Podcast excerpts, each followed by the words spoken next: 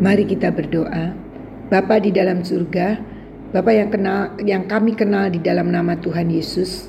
Kami bersyukur pada sore hari ini kami beroleh kesempatan untuk merenungkan akan firman-Mu. Berbicaralah Engkau kepada kami. Urapi kami Tuhan dengan roh hikmat, wahyu dan pengertian supaya kami menangkap setiap pesan-pesan yang Kau sampaikan dan Kau ajarkan kepada kami. Roh Kudus buat hati kami menjadi hati yang haus dan lapar akan kebenaran-Mu. Supaya kami benar-benar Tuhan punya kerinduan untuk hidup semakin berkenan di hatimu.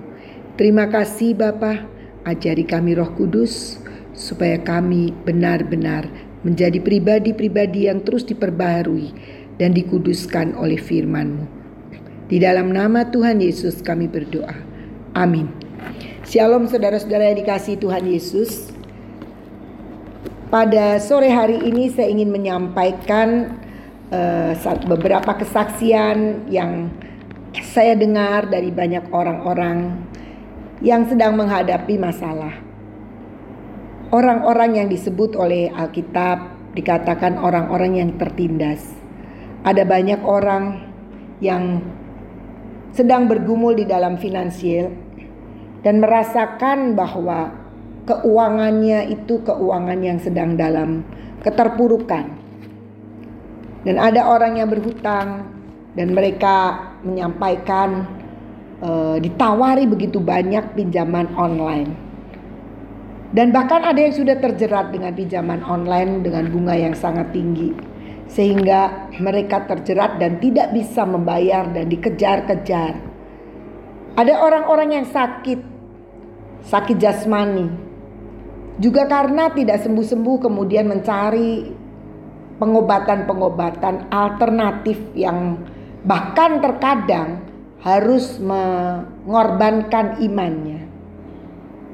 Dan ada lagi orang-orang yang dalam keterpurukan begitu banyak masalah yang menindih maka sering kali mencari kambing hitam dengan menyalahkan keadaan, situasi, atau keberadaan uh, dirinya yang sepertinya seolah-olah kurang beruntung. Bahkan seorang anak muda sempat berbicara kepada saya bahwa kenapa saya lahir di keluarga ini. Padahal ketika saya melihat keluarga ini adalah keluarga yang sangat diberkati secara finansial luar biasa. Seorang ayah dan seorang ibu yang takut Tuhan yang benar-benar sebenarnya sangat memperhatikan anak-anaknya. Mereka sekolah di international school, bahkan mereka kuliah pun di luar negeri. Tetapi ada satu hal yang rupanya kurang bisa diterima oleh anaknya ini, sehingga sampai dia merasakan, "Kenapa saya lahir di keluarga ini ya?" Keluarga yang menurut anak ini uh, tidak pas mengalami banyak hal yang membuat anak ini kurang puas. Ada banyak hal. Satu ayat saya ingin bacakan pada sore hari ini yaitu dari Mazmur 119 ayat 71. Dikatakan pemazmur mengatakan bahwa aku tertindas itu baik bagiku supaya aku belajar ketetapan-ketetapan. Ini dikatakan oleh Daud, seorang yang diurapi menjadi raja, tetapi sebelum jenjang raja itu diterima, dia mengalami begitu banyak tantangan kehidupan, bahkan dikatakan aku tertindas. Karena dia dikejar-kejar oleh Saul, dia punya banyak uh, pergumulan, dia punya anak buah tapi anak buahnya juga bisa menyalahkan dia dan ada orang-orang di sekitarnya yang bukan pengikut-pengikut setia. Dia katakan aku tertindas, tetapi dia katakan itu baik bagiku. Kenapa? Karena ternyata dalam keadaan tertindas itu bagi Daud itu sebuah kesempatan untuk dia belajar ketetapan-ketetapan Tuhan. Dikatakan bahwa aku tertindas itu baik bagiku supaya aku belajar ketetapan-ketetapanmu. Berarti ada begitu banyak orang yang ingin melepaskan dari ketertindasannya tanpa menyadari bahwa itulah waktu dan kesempatan untuk uh, dia belajar akan ketetapan Tuhan. Mungkin ada yang ingin bertanya, apa sih untungnya kita tahu ketetapan Tuhan? Saya ingin mengambil sebuah contoh ya tentang Yakub dan Esau. Saya tidak membacakan ayatnya, tapi nanti bisa dicari sendiri. Tapi saya percaya saudara-saudara sudah tahu tentang Yakub dan Esau. Ketika suatu hari Yakub memasak sop yang merah-merah itu, sop kacang merah. Kemudian datanglah Esau. Esau ini sedang dalam keadaan lapar, dia habis berburu dan dia menghirup baunya masakan Yakub ini. Dengan seketika dia ingin minta akan masakan Yakub. Tapi Yakub mengatakan begini, "Jual dulu hak kesulunganmu, nanti aku kasih." Kenapa Yakub minta?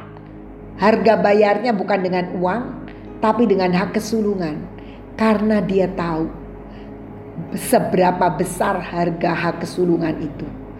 Kenapa kemudian Esau ambillah aku jual. Apa gunanya lagi hak kesulungan? Sebentar lagi aku juga mati. Kenapa Esau begitu? Karena Esau tidak tahu betapa berharganya hak kesulungan itu sesungguhnya. Yakub adalah anak yang suka tinggal di kemah, tentu bersama ibunya. Sedangkan Esau anak yang suka berburu di lapangan sehingga ayahnya mengasihi dia karena suka makan daging buruannya. Ketika di kemah, saya percaya Ribka sebagai ibunya tidak tinggal diam. Dia banyak cerita lah. Perempuan kan ibu-ibu suka cerita. Masa-masa lalu lah. Cerita tentang apa saja. Dan salah satu yang dia ceritakan adalah harga sebuah hak kesulungan. Bahwa sudah ditetapkan Tuhan, iya bahwa Yakub itu memang yang akan memiliki hak kesulungan. Walaupun dia keluar yang kedua, bukan yang pertama, bukan anak sulung. Tetapi itu janji Tuhan dan itu urusan Tuhan bagaimana cara hak kesulungan itu bisa, bisa menjadi milik Yakub. Tetapi karena Yakub tahu bahwa hak kesulungan itu demikian berharga dan dia mengingininya secepatnya untuk bisa, maka dia putar otak dan dia tahu apa sih harganya hak kesulungan? Hak kesulungan itu akan terima hak istimewa, double porsi.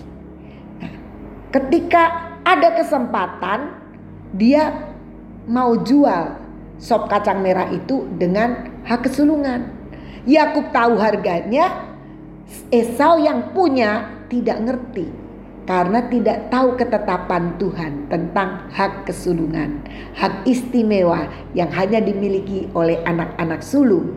Nah, karena itu saya mengatakan bahwa seperti Daud mengatakan aku akan belajar ketetapan Tuhan, ada banyak ketetapan-ketetapan Tuhan yang sebenarnya kalau kita mengerti kita akan mendapatkan hak-hak istimewa. Nah, sekarang pertanyaannya adalah Bagaimana caranya kita belajar ketetapan Tuhan?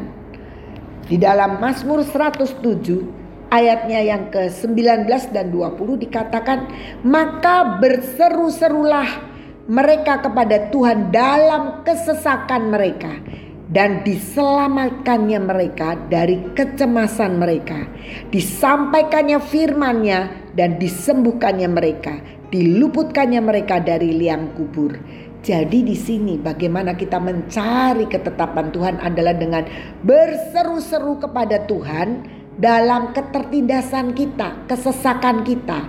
Maka Tuhan katakan akan diselamatkan dan mereka akan dilepaskan dari ketertindasan, kecemasannya. Kemudian tidak berhenti di situ.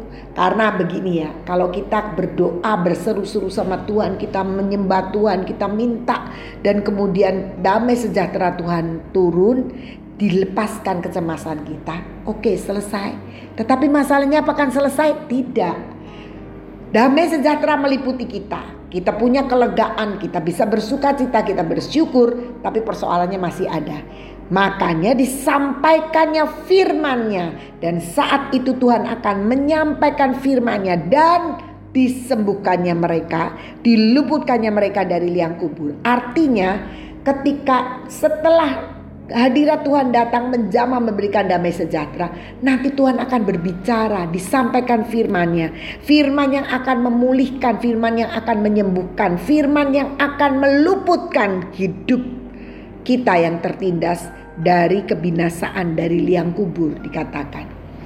Jadi kita perlu ketetapan dan saat tertindas itu waktunya kita belajar ketetapan Tuhan. Dengan cara kita berseru kepada Tuhan menantikan firman-Nya karena dia pasti akan menyelamatkan kita dan meluputkan kita dari malapetaka dan kebinasaan. Yesaya 25 ayatnya yang keempat menyatakan demikian. Sebab engkau menjadi tempat pengungsian bagi orang lemah, tempat pengungsian bagi orang miskin dalam kesesakannya, perlindungan terhadap angin ribut, naungan terhadap panas terik. Tuhan kita adalah Allah yang bisa menjadi tempat pengungsian bagi orang yang tertindas, tempat pengungsian bagi orang yang ke, dalam kesesakan, dan menjadi perlindungan dari angin ribut, dan menjadi naungan bagi panas terik. Tuhan kita adalah Allah yang ajaib. Dia akan bisa menjadi sebuah pelarian bagi kita yang punya banyak persoalan. Bagaimana kita bisa tahu Alkitab yang mengatakan kalau kita tidak belajar ketetapan maka kita tidak pernah tahu siapa Tuhan kita. Ternyata dia adalah tempat pengungsian bagi orang lemah, tempat pengungsian bagi orang miskin dalam kesesakannya. Miskin itu tidak selalu uang miskin damai sejahtera, miskin kebahagiaan, miskin apa ya mm, kasih sayang, banyak hal. Dan dia itu tempat pengungsiannya. Taunya dari mana? Dari ketetapan Tuhan. Siapa dia? Dia Tuhan bukakan. Jadi kita tahu sekarang dalam keadaan tertindas kita perlu cari firman Tuhan sebagai ketetapan dan janji Tuhan yang disampaikan buat kita. Mazmur 119 ayatnya yang ke-160 mengatakan demikian.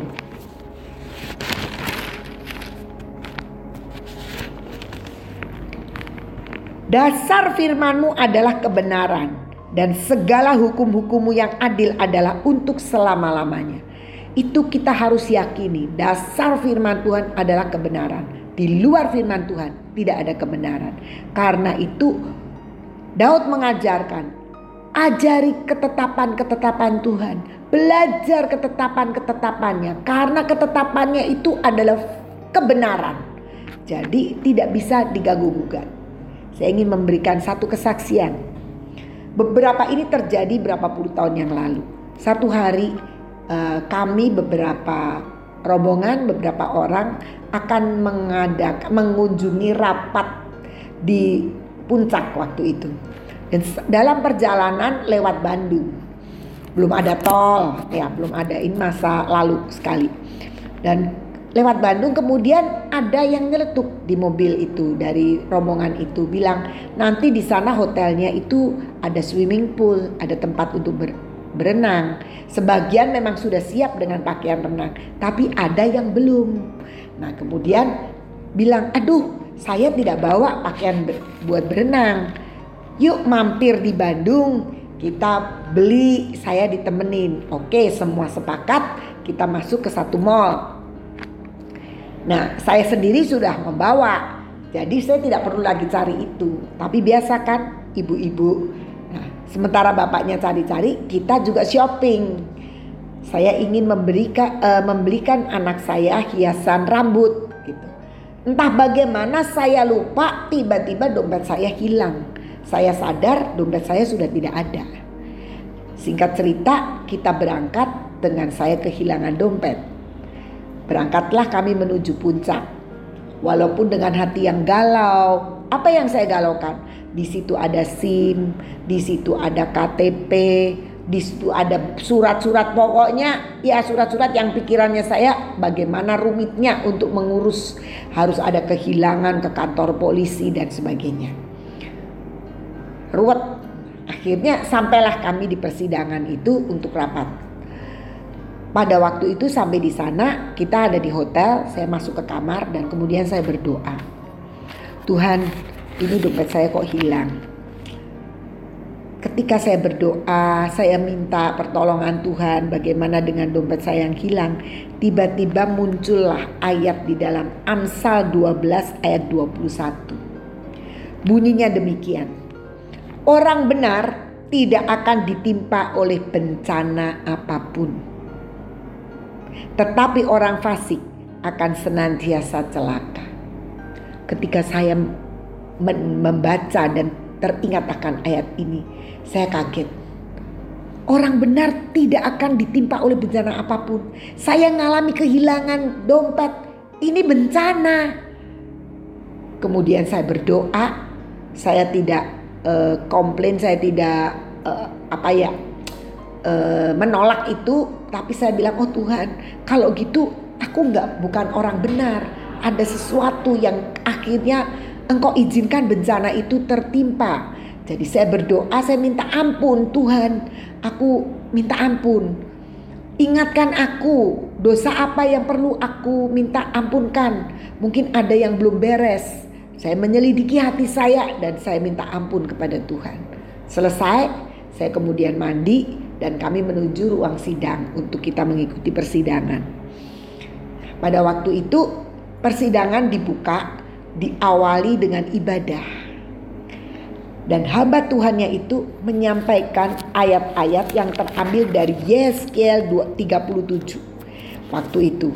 Nah, saya menyimak dan mendengarkan ternyata uh, firman Tuhan yang disampaikan adalah kebangkitan Israel dan pada waktu itu ada kalimat di ayatnya yang mulai ke-9 dikatakan maka firmannya kepadaku bernubuatlah kepada nafas hidup itu bernubuatlah hai anak manusia dan katakanlah kepada nafas hidup itu beginilah firman Tuhan Allah hai nafas hidup datanglah dari keempat penjuru angin dan berembuslah ke dalam orang-orang yang terbunuh itu supaya mereka hidup kembali Lalu aku bernubuat seperti diperintahkannya kepadaku dan nafas hidup itu masuk di dalam mereka sehingga mereka hidup kembali. Mereka menjejakkan kakinya suatu tentara yang sangat besar. Saya menangkap itu. Oh, bernubuat.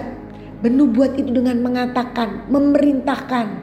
Saya tangkap, saya simpan sampai ibadah selesai, makan malam persidangan dimulai dan di tengah malam kami masuk ke kamar lagi. Saya bilang sama teman sekamar saya, maaf kalau nanti sedikit terganggu, saya mau berdoa. Oke okay, katanya. Dan kemudian saya berdoa dan saya bilang Tuhan firmanmu tadi katakan bernubuatlah. Awalnya nubuat terhadap tulang-tulang dan tulang-tulang itu menyatu menjadi manusia. Tetapi belum ada nafasnya. Kemudian Tuhan bilang bernubuat lagi minta nafas hidup itu masuk. Dan kemudian bernubuat. Tuhan itu menjadi rema buat saya dan sekarang saya mau bernubuat dengan dompet saya. Dan saya katakan, hai dompet, kembali. Kembali kepada pemiliknya. Aku kembali, kembali, kembali. Udah saya cuma bernubuat begitu saja. Kemudian saya selesai berdoa dan saya mengucap syukur. Seminggu kemudian, kira-kira seminggu kemudian, kalau saya ditanya bagaimana dompet itu bisa kembali, jelas saya tidak tahu. Kenapa tidak tahu? Ya bagaimana orang menemukan itu mau mengembalikan. Tetapi seminggu kemudian saya ditelepon dengan oleh orang Bandung. Dan orang Bandung itu menanyakan kepada saya, Ibu Ina, Ibu kehilangan dompet. Iya katanya gitu. Ini ada yang nganter ke kantor saya. Pada waktu itu saya memang ada kerjasama dengan sebuah kantor di Bandung. Dan ternyata ada kartu namanya kantor itu. Nah, terus pada waktu itu makanya waktu ditanya iya betul. Kok bisa ini ada orang nganterin tapi mereka tuh identitasnya tidak jelas karena dia cuma nganterin ini saya temukan dompet di sampah katanya begitu. Terus dia pergi. Saya belum sempat mau memberi uang memberi apa nggak sempat. Dompetnya ternyata di situ ada kartu nama nama ibu walaupun dengan alamat kantor itu karena waktu itu kami punya kerjasama Singkat cerita dikirim. Dan memang sih uangnya hilang semua. Tapi surat-suratnya, kartu-kartunya semua tidak ada satupun yang hilang. Waktu itu memang saya lupa ya. Uangnya juga nggak boleh hilang, lupa. Sudah nggak terpikir bagi saya kembali aja surat-suratnya itu bagi saya itu sudah mujizat dan itu yang saya harapkan. Saya pada waktu itu dan kita percaya ternyata firman itu adalah kebenaran. Ketika firman mengingatkan saya orang benar tidak akan mengalami bencana apa pun. Saya harus koreksi. Kalau saya mengalami kehilangan berarti saya saat itu nggak benar. Saya minta ampun, saya minta Tuhan bukakan, singkapkan. Kalau tidak ingat pun saya minta semua dosa saya dihapuskan, diampuni oleh Tuhan. Selesai. Firman datang. Tadi kan dikatakan kalau kita berseru-seru maka dikirimkannya firmannya, diselamatnya kan kita. Firman datang kemudian apa firman apa?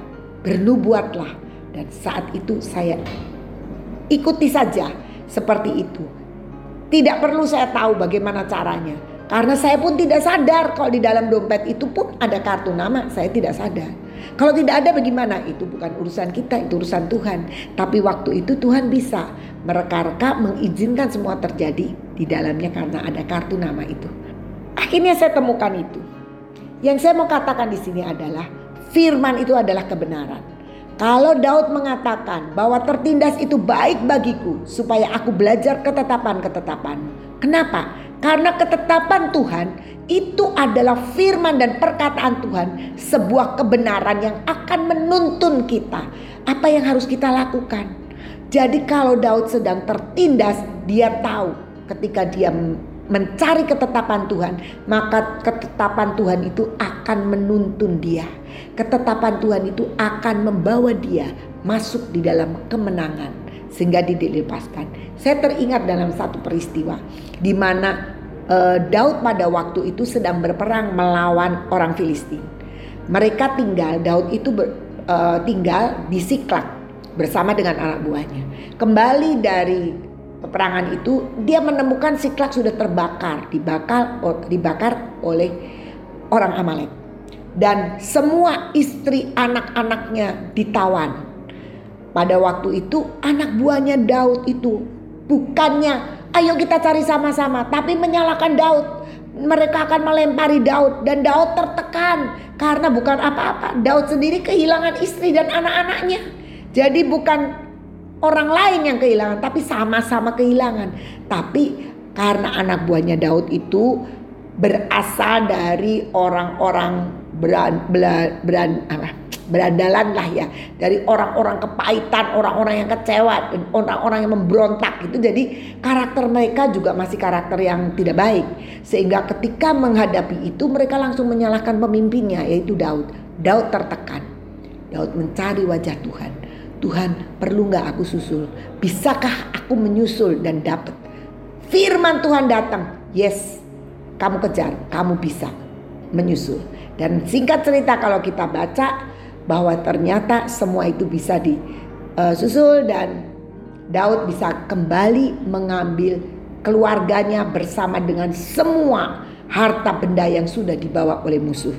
Jadi kita mengerti di sini bahwa sebenarnya ketika kita tertindas di dalam Tuhan selalu ada kesempatan untuk kita bisa terlepas dari ketertindasan kita. Caranya berseru-serulah kepada Tuhan, cari ketetapan Tuhan. Ketetapan Tuhan adalah kebenaran karena firman Tuhan tidak pernah salah, tidak pernah diberhentikan. Sebuah kebenaran itu ada di dalam ketetapan Tuhan. Nah, bagaimana kita bersikap dengan ketetapan Tuhan itu? Ketetapan Tuhan itu harus dipercaya. Kalau orang tidak percaya, bagaimana dia akan melakukan atau akan mencari ketetapan Tuhan? Ketika kita percaya bahwa ketetapan Tuhan itu adalah sebuah kebenaran, maka kita baru bisa menikmatinya. Seseorang memberikan jaminan sebuah ketetapan bahwa kalau kamu uh, contohnya saja ya di sekolah kalau kamu percaya dengan sekolah ini maka ada ketetapan ada peraturan yang harus dipenuhi. Ketika memenuhi semua fasilitas sekolah, kewajiban sekolah itu akan diberikan dan itu sebuah ketetapan. Sama seperti di dalam bilangan 11 ayat 18 sampai 23. Bangsa Israel pada waktu itu kepengen sekali makan daging. Karena setiap hari makanannya adalah mana. Bosen sama mana itu. Jadi marah mereka.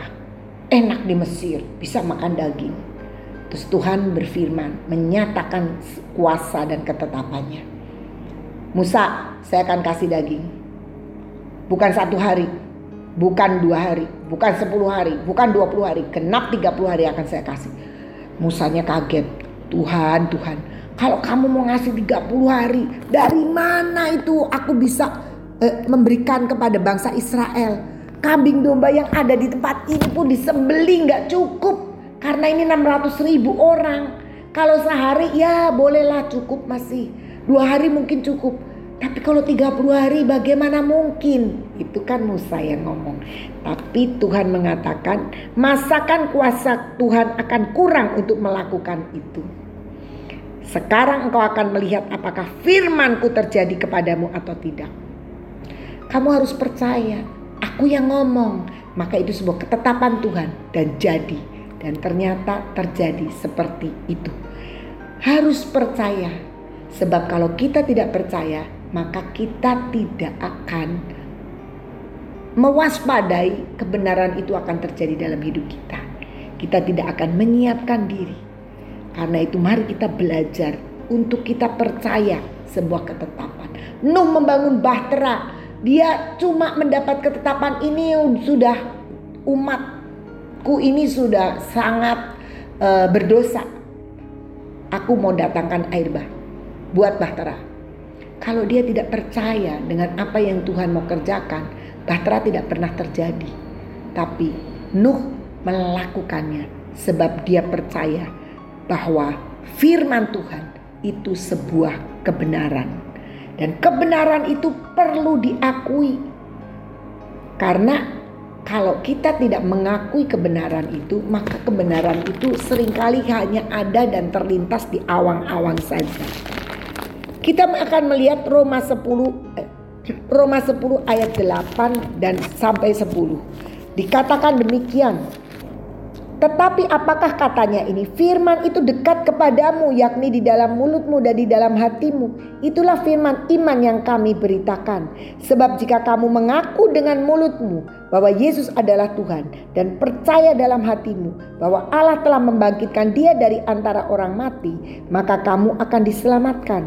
Karena dengan hati orang percaya dan dibenarkan dan dengan mulut orang mengaku dan diselamatkan.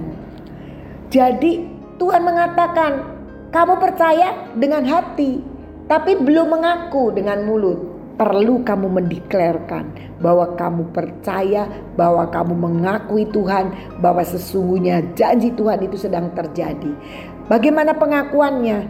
Dikatakan pengakuan itu mudah ketika kita dapat firman. Bernubuatlah seperti saya tadi, maka saya lakukan bernubuat bukan dalam hati. Makanya saya bilang sama teman kamar, maaf kalau terganggu sebab saya harus mengucapkannya. Dan saya mengucapkannya. Firman itu dekat kepadamu yakni di dalam mulutmu. Jadi kita harus mengucapkan karena mulut itu untuk berucap. Mari kita belajar bahwa aku tertindas itu baik bagiku supaya aku belajar ketetapan-ketetapanmu supaya aku belajar firmanmu supaya aku tahu apa yang harus aku lakukan untuk aku lepas dari ketertekanan dari ketertindasan. Mari saudara-saudara yang dikasih Tuhan Yesus mungkin kita sekarang ini sedang menghadapi banyak hal yang meragukan tentang masa depan, tentang, tentang kondisi dan situasi bangsa, tentang uh, keuangan kita, atau tentang kesehatan, atau tentang keluarga. Mari bertekunlah di dalam firman dan ketetapan Tuhan. Kalau kita sedang tertindas, itu baik, itu kesempatan untuk belajar ketetapan Tuhan. Buktikan bahwa ketetapan Tuhan itu adalah sebuah kebenaran karena firman Tuhan itu sendiri adalah kebenaran. Mari kita belajar untuk mempercayai setiap kebenaran dan kita mendeklarkan, mendeklarasikan tentang kebenaran itu. Sehingga kita tahu semua itu menjadi genap di dalam hidup kita dan kita akan menikmati semua yang terbaik dari Tuhan seperti yang kita rindukan yaitu keterlepasan kita dari semua situasi yang menindas dan menghimpit kita. Tuhan Yesus memberkati. Mari kita berdoa. Bapa di dalam surga, kami bersyukur sebab Engkau selalu memberikan kepada kami jalan keluar. Bagimu tidak ada pintu yang tertutup ketika Engkau sudah membukakannya. Dan kami rindu Tuhan, kami mengalami kelepasan dari ketertindasan, dari kesesakan, dari kemelut yang sedang melanda akan kehidupan kami. Supaya kami melihat ketetapanmu yang ajaib, kebenaran firmanmu yang tidak pernah goyah. Sehingga kami menjadi orang-orang percaya yang terus-menerus mengalami kemenangan. Karena kami keluar dan mengalami terobosan untuk masuk di dalam kemenangan dan kemuliaan Tuhan. Terima kasih Bapa bahwa tertindas itu baik bagiku supaya aku belajar ketetapan-ketetapanmu. Kami mau belajar Tuhan dan kami percaya Engkau akan hadir menyatakan kebenaranmu dan menolong kami. Terima kasih Bapak meteraikan semua ini di dalam hati dan pikiran kami dan kami terima semua berkat-berkat terbaikmu. Di dalam nama Tuhan Yesus kami berdoa dan kami bersyukur. Amin.